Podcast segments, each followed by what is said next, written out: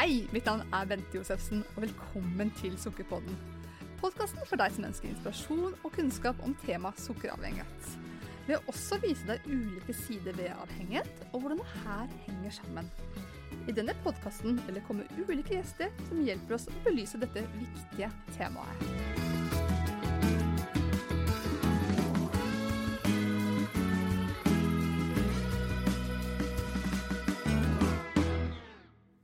Med meg i dag så har jeg Øyvind Torp, som er spesialist i allmennmedisin og jobber som fastlege.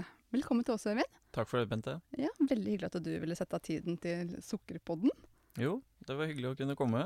Ja, og vi har jo hatt en liten forprat, så jeg er ganske trygg på at dette her kommer til å bli et spennende avsnitt. Håper det. Ja.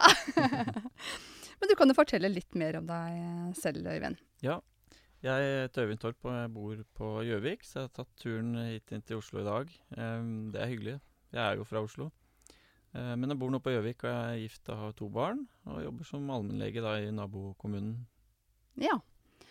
Og du har jo også kommet med to bøker, og det er jo ikke helt tilfeldig at disse to bøkene har uh, kommet ut. Du har jo gitt ut uh, 'Selvforsvar mot kreft' Mm. og 'Selvforsvar mot overvekt'. Ja. Det er korrekt. Og da tenker jeg at vi skal begynne med første boka, den 'Selvforsvar mot kreft'. Fordi at du satt du på ditt eget legekontor og så noen bilder som gjaldt deg selv. Mm. Kan ikke du fortelle litt om den episoden, Øyvind? Ja, det stemmer. Det var litt spesielt. Det var i juni i 2016, hvor eh, jeg satt på kontoret en vanlig praksisdag, og så var det sånn at jeg, jeg var i utredning. eh, for eh, jeg ikke før jeg hadde følt meg helt bra. Og så, i og med at du er lege, da, så har du sjansen til å pushe litt på utredningen, så jeg hadde bestilt noen bilder av, av meg selv. MR-bilder. Og så var jeg litt ubetenksom, da, så jeg satt på kontoret mellom noen pasienter og skulle være effektiv, og da dukket plutselig svaret på mine egne bilder da, opp i innboksen. Så jeg klikket på de uten å tenke meg så mye om, og det var jo et helt annet svar enn jeg hadde håpet på, da. Ja, så der satt jeg jo rimelig i sjokk. Ja, for hva var svaret, Øyvind? Svaret var jo ganske entydig at uh, her var det kreft. Her var det kreft i magen og i et ribben. Um, og da startet min reise kan du si, på den andre siden av helsevesenet i forhold til hva jeg var vant med. Da var jeg plutselig pasient. Ja. Så der satt du med denne kunnskapen, og med pasienter på venterommet. Det gjorde jeg. Mm. Ja, så den dag dagen du sent glemmer, vil jeg tro. Det var kanskje ikke det lureste å gjøre, men eh, det føltes faktisk ganske godt å ta inn eh, neste pasient og få tankene over på noe annet. Så det, det gikk bra resten av dagen. Mm. Nettopp. Så bra. Men da du da selv fikk kreft, eh, hva ble veien din videre da? Altså, Gikk du til, til den vanlige behandlingen, eller begynte du å søke litt selv etter kunnskap, eller hva tenkte du og gjorde du da? Nei, jeg, em, jeg tok eh, absolutt imot eh, behandlingen. Jeg har hatt eh, veldig flinke leger som har fulgt meg på sykehuset. Og em, Så jeg eh, har fulgt den behandlingen som jeg har blitt anbefalt på sykehuset. Men det er klart, ganske raskt så kommer jo spørsmålet opp om jeg kan bidra noe selv Ja. i behandlingen. Men da, da fikk jeg, og jeg vet mange andre også får det svaret, at det er ikke spesielt mye du kan bidra med, men hvis du røyker, så kan du gjerne slutte med det, men ellers så får du gå og leve som, leve som normalt, og du er i gode hender. ja. Og det er du jo også. Jeg er veldig fornøyd med norsk helsevesen. Jeg har møtt mange fantastiske behandlere underveis. Men jeg klarte nok ikke å slå meg helt til ro med det at det ikke var noe jeg kunne bidra med selv. ja. Jeg hadde vært opptatt av kosthold og livsstil i noen år allerede. Eh, og i og med at jeg hadde lest en god del på det temaet, da, så hadde jeg jo flere ganger kommet over studier som viste at eh, dette med kosthold var kjempeviktig ved kreftsykdom. Mm. Ikke bare for å forebygge, men hvis du hadde fått det.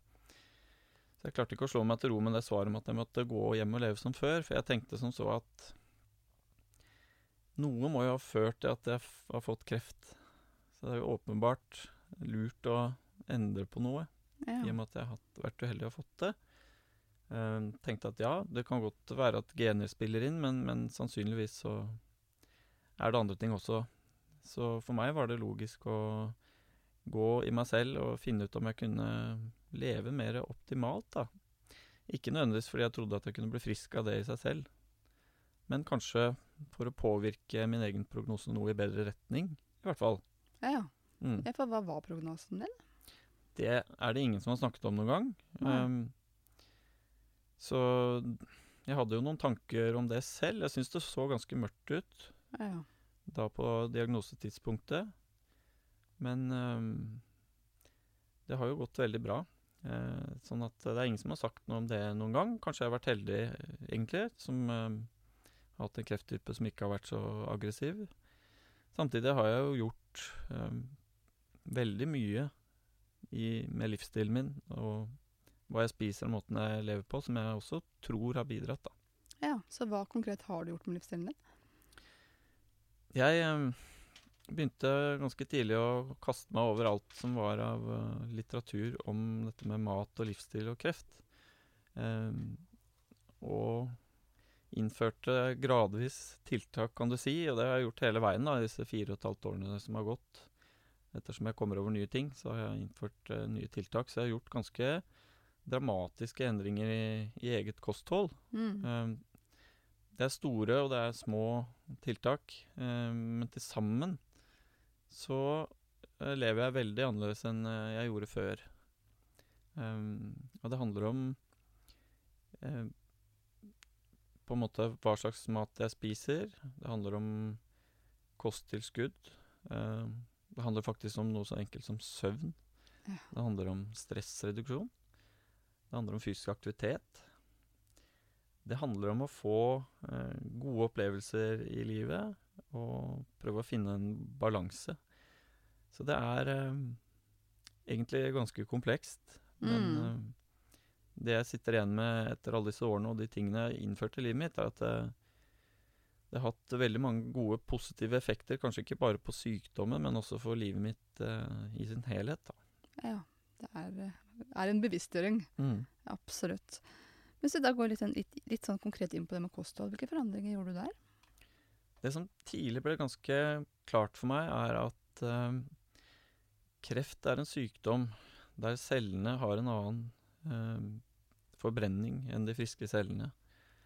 Det vil si at kreftceller er avhengig av sukker for å Mm. kunne vokse og spre seg. Og grunnen til det er at inni cellene våre så sitter det en, en liten kraftstasjon, kan du si, som kalles for mitokondrene. Og det er der næringen kommer inn og forbrennes og blir til energi. Mm.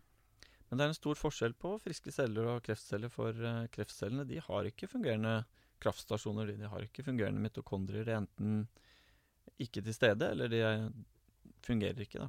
Mm. Så kreftcellene må jo også ha energi for å leve og spre seg, men det gjør det på en annen måte. Ja. De bruker ikke kraftstasjonen, så de em, har klart da å finne en annen måte å gjøre det på. Det de gjør, er å få inn massevis av sukker. 200-400 ganger så mye som en frisk celle kan en kreftcelle faktisk lykkes å få inn. Mm. Og så gjærer de det sukkeret, og så blir det energi av det. Og det blir en masse annet også. Det blir, eh, blir til eh, overskuddsbyggestoffer, kan du si. Karbon, blant annet. Som kreftcellene kan bruke til å bygge nye celler. Ja. Så når jeg innså det, så ble det logisk for meg at jeg må kutte ned alt jeg kan av sukker. ja. Ikke fordi jeg tror jeg kan sulte ut de kreftcellene, fordi vi er jo avhengig av å ha et visst nivå av sukker i blodet vårt, og det er veldig strengt regulert. Så det vil alltid være sukker tilgjengelig i blodbanen. Men øh, det er ikke mye. Kanskje en halv teskje eller noe sånt. Så det jeg tenkte er at ok, jeg kan jo ikke sulte ut eh, disse cellene nødvendigvis, men eh, det gir jo heller ingen meningen å gi en sånn eh, skummel sykdom et overskudd av materialet det kan bruke til å vokse og spre seg. Nei, riktig. Så det var nok hjørnesteinen i de tiltakene jeg begynte med. Det var å kutte ut alt som var av sukker. Eh, Det jeg skjønte etter hvert, at eh, det med kreft og kreftspredning handler jo også om hormoner. Så når du kutter ned sukkeret, så kutter du også ned på et hormon som er eh, kanskje sjefs byggehormonet vårt. Anabolt hormon. Det kalles for insulin. Det bygger muskler, det bygger fett, og det stiger når du får mat i deg, og særlig sukker gjør at det stiger. da. Mm. Eh, hormonet er jo kjempenyttig for oss egentlig, og gjør at overskuddsenergien vår blir til eh, fettlager, eller at det bygger muskler.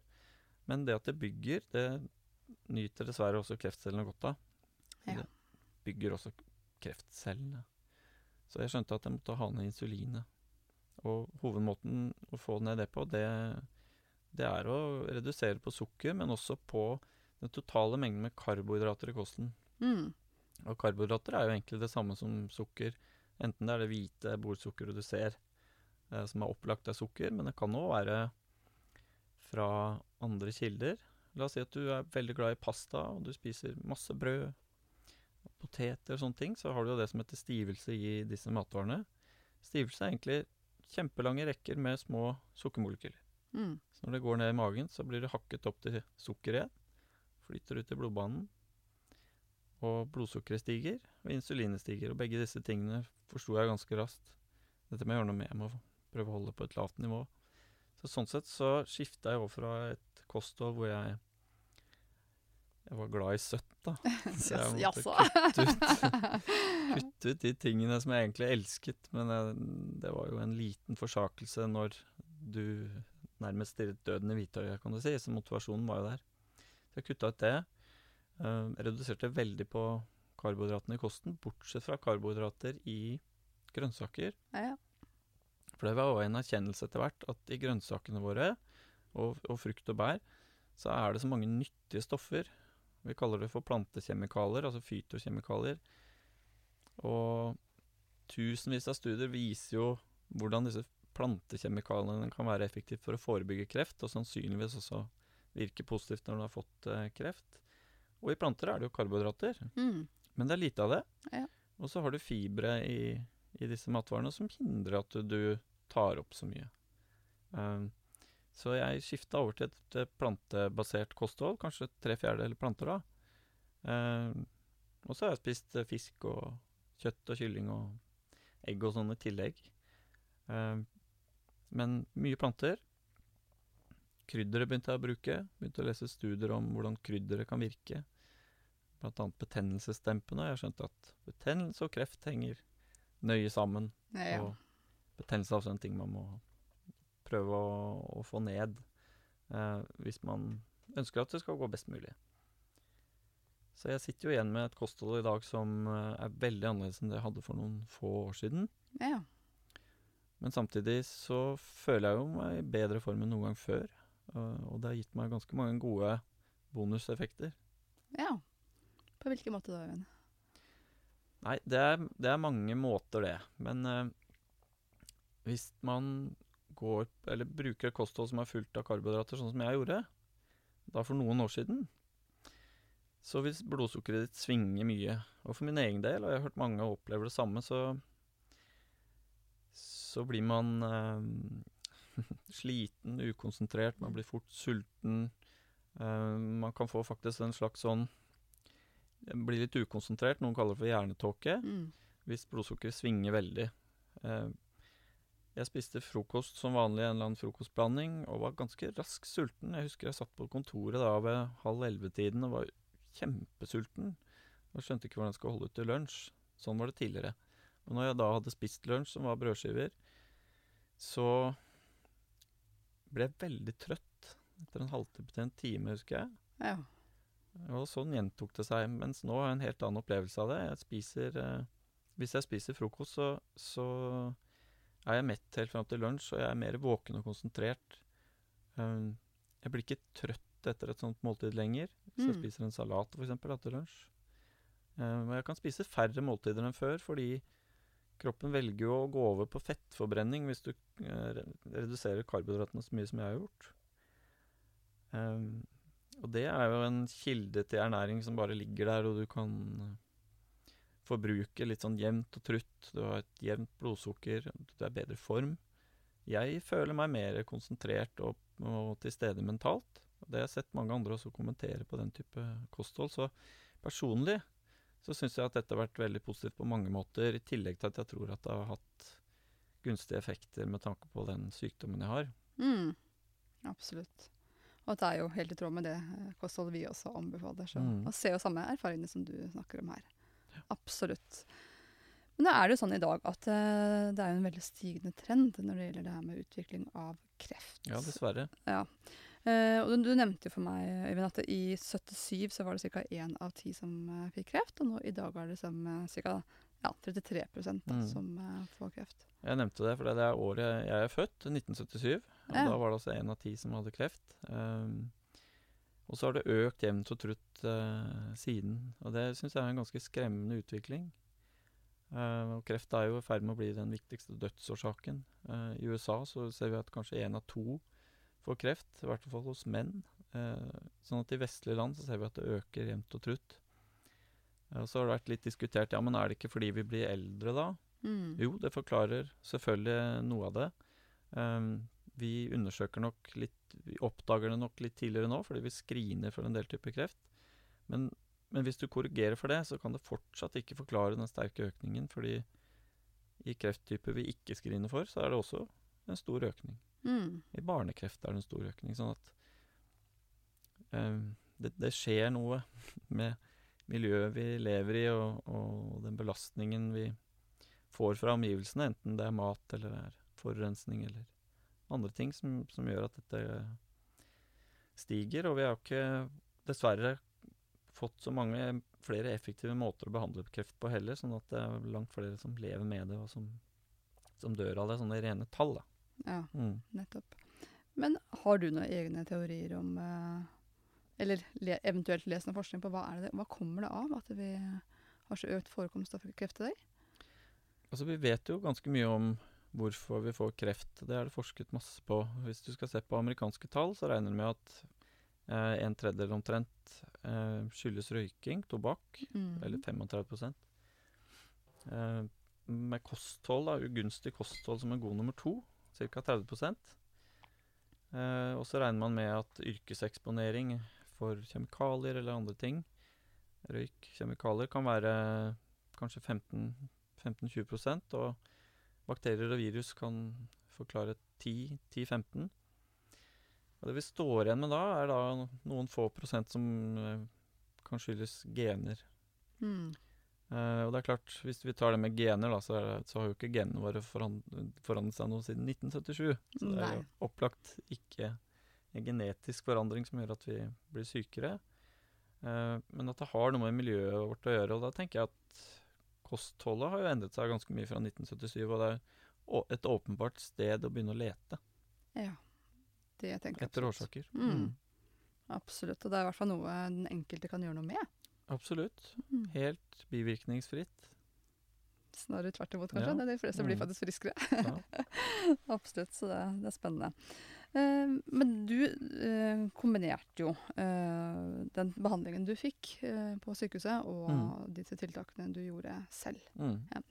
Men hvordan var det for deg å være lege og plutselig bli pasient? Den rollen der? Nei, det var veldig vanskelig. Eh, jeg klarte nesten ikke å akseptere det. Så når jeg lå på Rikshospitalet, så skifta jeg til sivilt.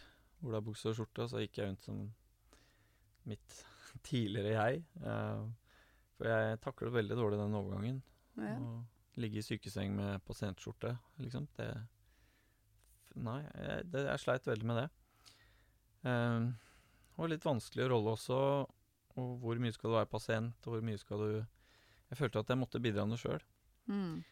Den følelsen tror jeg har eh, til felles med mange kreftpasienter, at du, du føler deg ganske hjelpeløs. Da. Mm. Det er veldig lang ventetid mellom undersøkelser og operasjoner eller behandling. Hva skal du gjøre den tiden? Da sitter du der med disse katastrofetankene dine. da. Så jeg følte at jeg trengte jo et prosjekt. Jeg trengte jo å bidra selv. For å føle en slags mestring, for å få litt kontroll, for å ha noe positivt å drive med. Og det tror jeg kanskje er eh, undervurdert. Og det må jeg si, meg selv inkludert som lege, jeg har ikke tenkt, jeg har ikke reflektert noe over det. Mm. At det er viktig at pasienten også bidrar. Og i forskningen så kaller vi jo det for uh, empowerment. Yes. At Mm. pasienten får verktøy selv. Uh, det kan føre til en mestringsfølelse. Og det fører igjen til lavere stressnivå.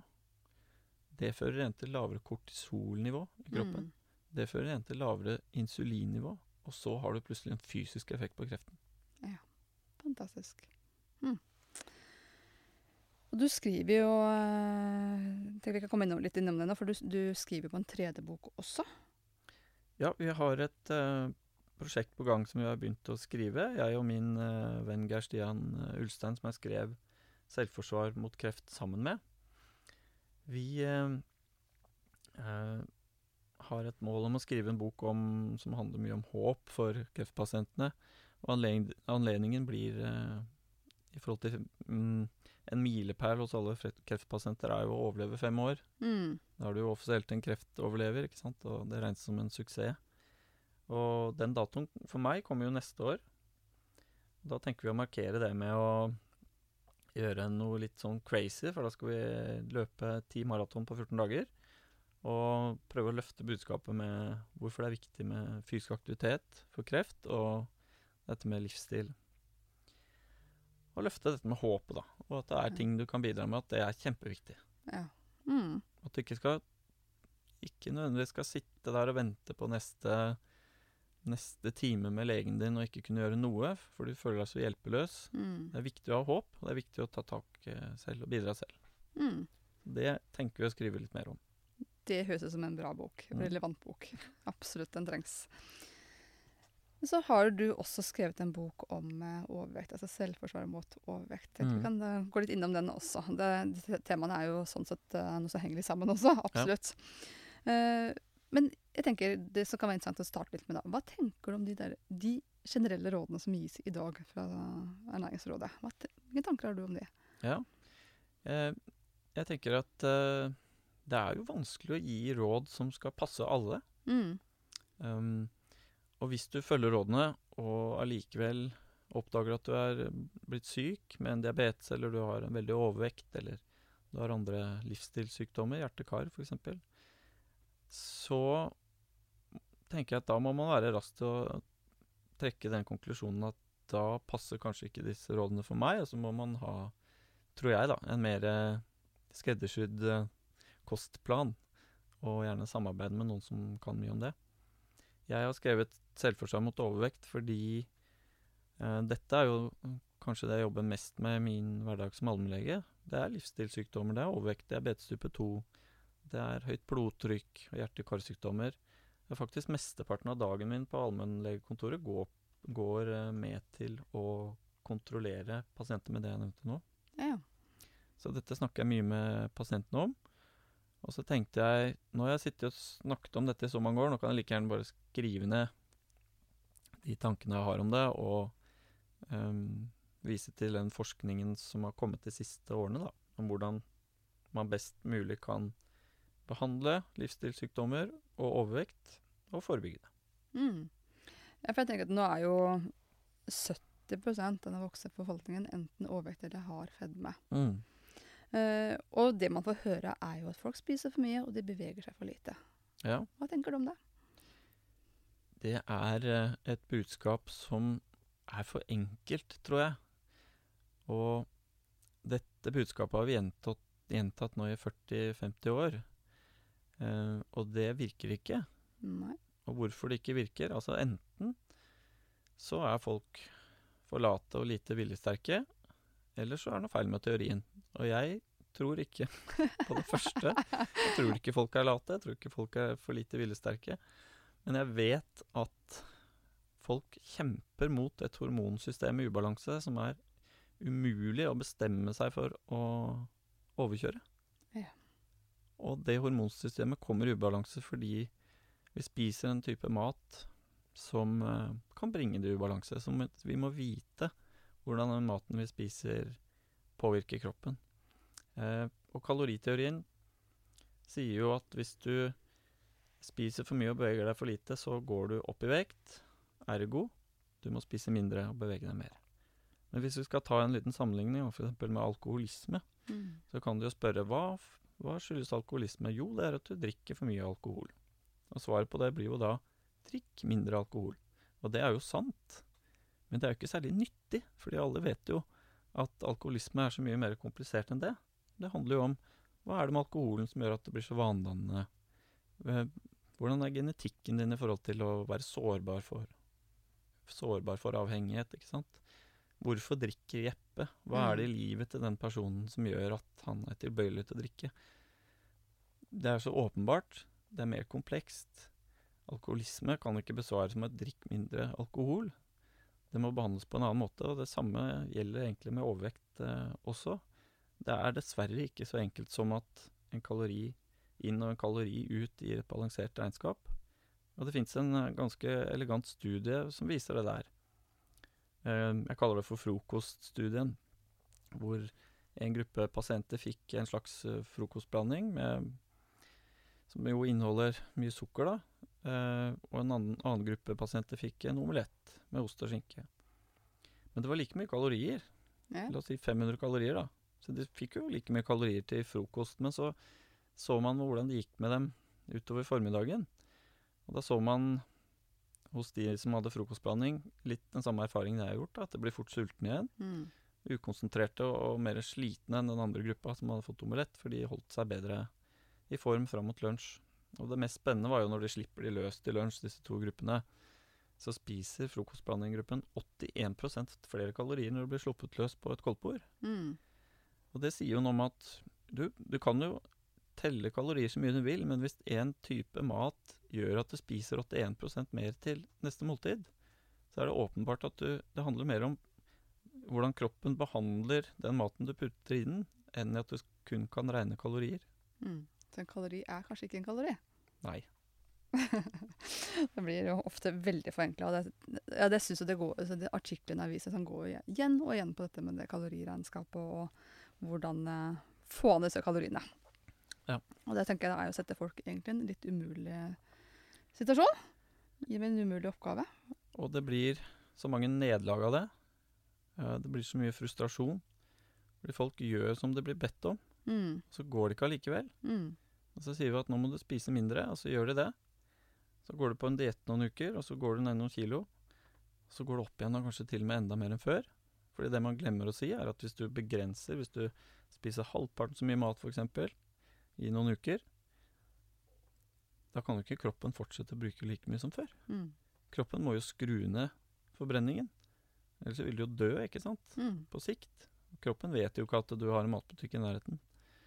Så dessverre, hvis man gjør det, går på en diett, spiser mindre noen uker, så går eh, forbrenningen ned. Det som skjer dessverre, er at den forbrenningen blir nede, den. Ja. Kjempelenge. Så hvis du da begynner å spise mer normalt igjen, så går du fort opp, og Mm. kanskje veier mer enn før. Og dette handler om hormoner igjen. Mm. Og visse typer mat påvirker hormonene på en helt annen måte enn en annen, andre typer mat. Og da kommer vi inn på dette med fett og proteiner og karbohydrater. Hvor vi ser at eh, karbohydrater gjør jo at byggehormonene som jeg nevnte, insulin, øker veldig. Mens proteiner får det til å øke litt, men ikke Mm. veldig mye. Og fett nesten ingenting. Eh, og det er jo ganske opplagt at hvis du velger å spise 250 kalorier i et kakestykke kontra i brokkoli, så, så virker det forskjellig på kroppen. Det er vanskelig å spise seg tjukk på brokkoli, Ja. men ikke vanskelig på kake. Men hva kommer det av at dette her eh, budskapet går om igjen og igjen? At man liksom ikke kommer ut av den diskusjonen om disse kaloriene? Nei, jeg vet ikke. Jeg sliter litt med å skjønne det selv, at um, mange av de ledende fagpersonene virker ikke til å kunne heve blikket. Uh, og kanskje det er fordi overvekt er så mye mer komplisert enn vi har trodd, Mm. tror jeg. At vi må prøve å, å tenke at dette er også en kompleks tilstand. Um, og hvis du gjør det, og anerkjenner det at det er mer komplekst enn man har trodd, så følger det av det at hver enkelt overvektig pasient er ikke lat og viljesvak. Det er på en måte ikke noens skyld, dette her. Mm. For det er kjempevanskelig, som jeg sa, å, å kjempe mot et eh, hormonsystem i ubalanse. Så vi må heller fokusere på hvordan kan vi få det i balanse igjen. Mm. Absolutt. Og, det å gå kronisk rundt sulten, det kan man jo prøve en stund. Ja. ja. Og det, altså, jeg tenker det er, altså, jeg opplever liksom motsatt når man snakker om at det ikke er viljestyrke, så er det jo snarere tvert imot. For mange har jo virkelig mobilisert mye viljestyrke i mange runder. Det er mange helter der ute, Ja, virkelig. og mange nederlag, dessverre. Ja. Og jeg, jeg tenker at Det handler om at de ikke har fått, fått de riktige verktøyene i verktøykassa si, Mm, og har fått råd som ikke er tilstrekkelige. Mm. absolutt. Men en del av årsaken til at vi er der vi er i dag, med at vi spiser veldig mye karbohydrater, er jo også at man på et eller annet tidspunkt øh, ble enige om at fett var farlig, og spesielt dette met mettede fettet. Mm. Uh, hva er dine tanker om det, Øyvind? Ja, det er jo et stort eksperiment, egentlig. At vi har eh, For første gang i historien så har myndighetene gått ut og advart mot ett av de tre viktige næringsstoffene, mot fett. Det aldri vært gjort før.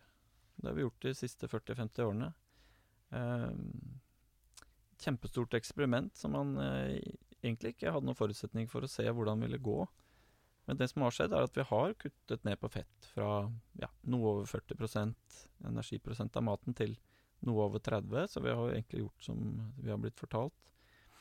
Mens vekta øker jo dessverre da nesten eh, motsatt av den av at tatt ned fettet, så øker, øker vekta.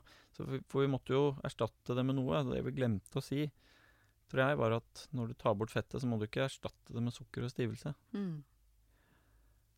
Og grunnen til at man har vært skeptiske til fett, eh, er jo ganske logisk. fordi når man har obdusert pasienter som er døde av hjerteinfarkt, så ser man jo den gule avleiringen inne i hjertets blodårer.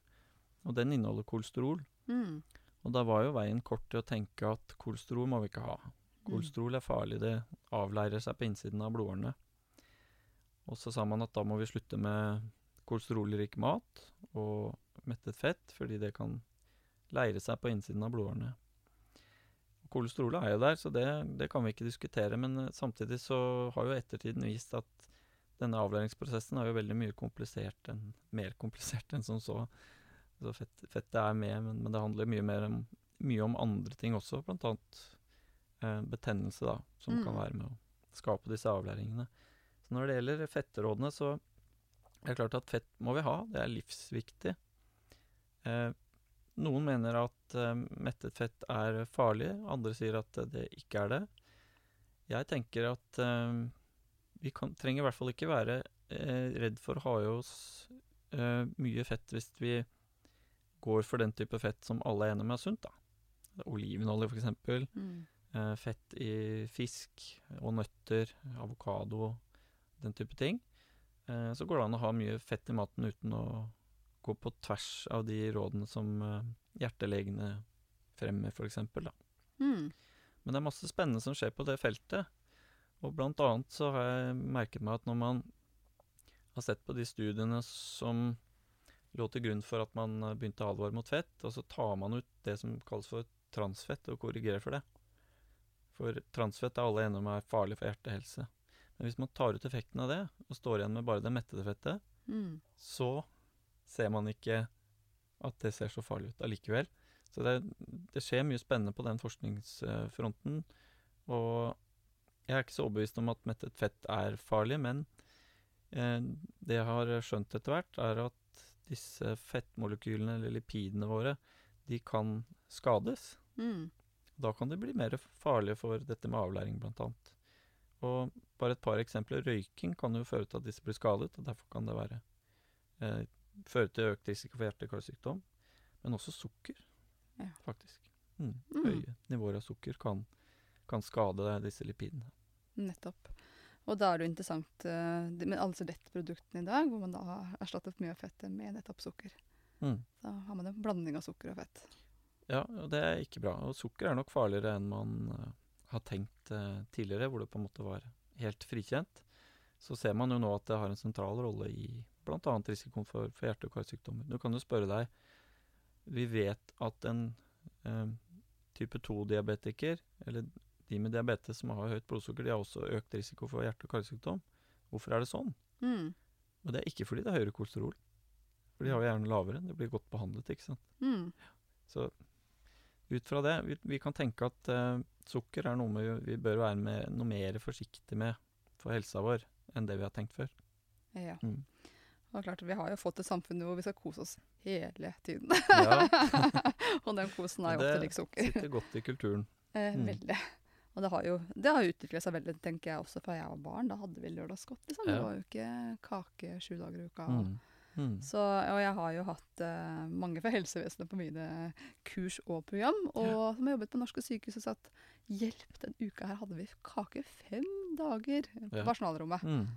Det er jo litt interessant. Det er interessant. Ja. mm. Og, for, og det var jo litt, vi var så litt, litt innom det også, men eh, som kreftpasient også, blir man advart mot sukkeret?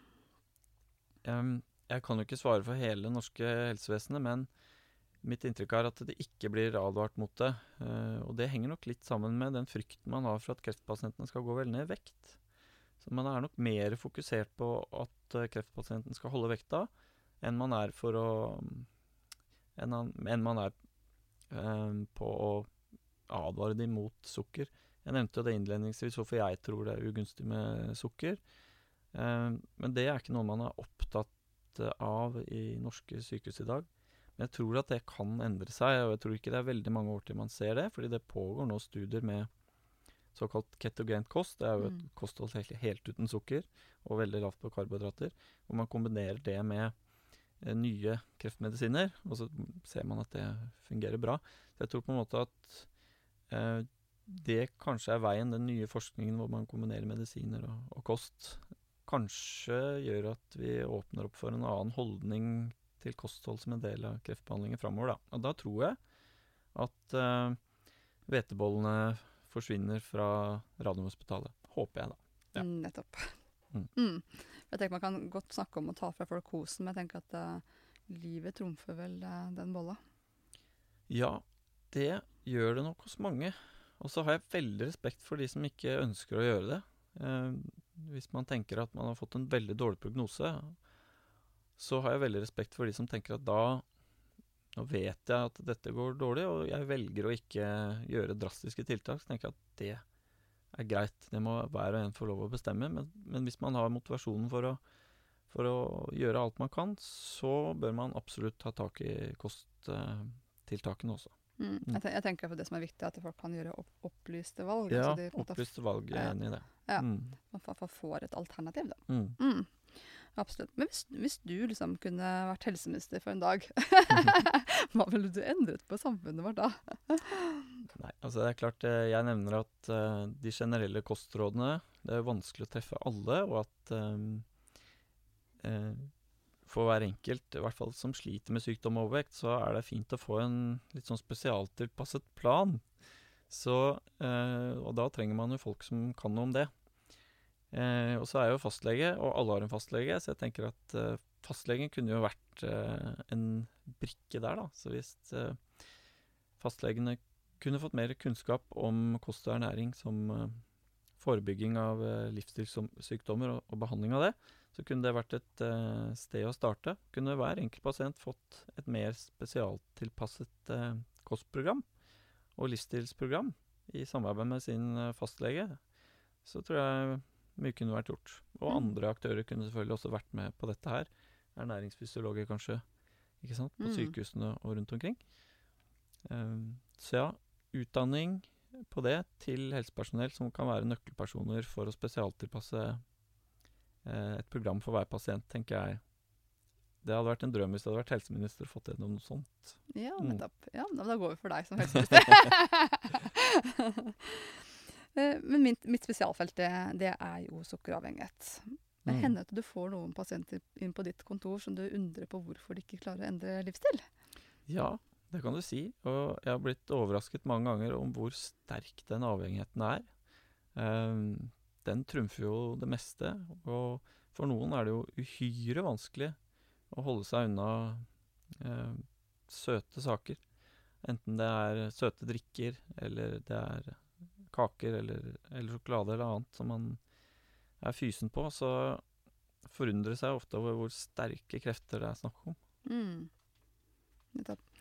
Og det er jo eh, det også brenner jeg for, da. Å Ja. få ut denne kunnskapen. At leger burde ha en sånn minimumskunnskap om ikke annet kunne skrine for. Og finne ut om Mm. det er sannsynlig at det ligger en sukkeravhengighet i bunn, så man ikke sender disse her inn i det ene regimet etter det andre. Ja. Så er de faktisk sjanseløse. Mm. Nei, men Dette var utrolig spennende, Øyvind. Eh, og sagt, jeg bare gjenta igjen disse to bøkene du allerede har gitt ut, som er 'Selvforsvar mot kreft' og 'Selvforsvar mot eh, overvekt'. De får man vel i de fleste bokhandlere og på nett. Mm. Ja, så det er bare å google i vei. Så det anbefaler jeg på det varmeste. Og så kommer du som sagt med en ny bok. Når var det den kommer igjen? Det blir nok eh, på nyåret i 2022, så det er en liten Ja, stund. 2022, ja. ja Mm. men da kan vi, kan vi glede oss til det. Ja, men Strålende. Tusen takk for at du kom til Sukkerpotten, Øyvind.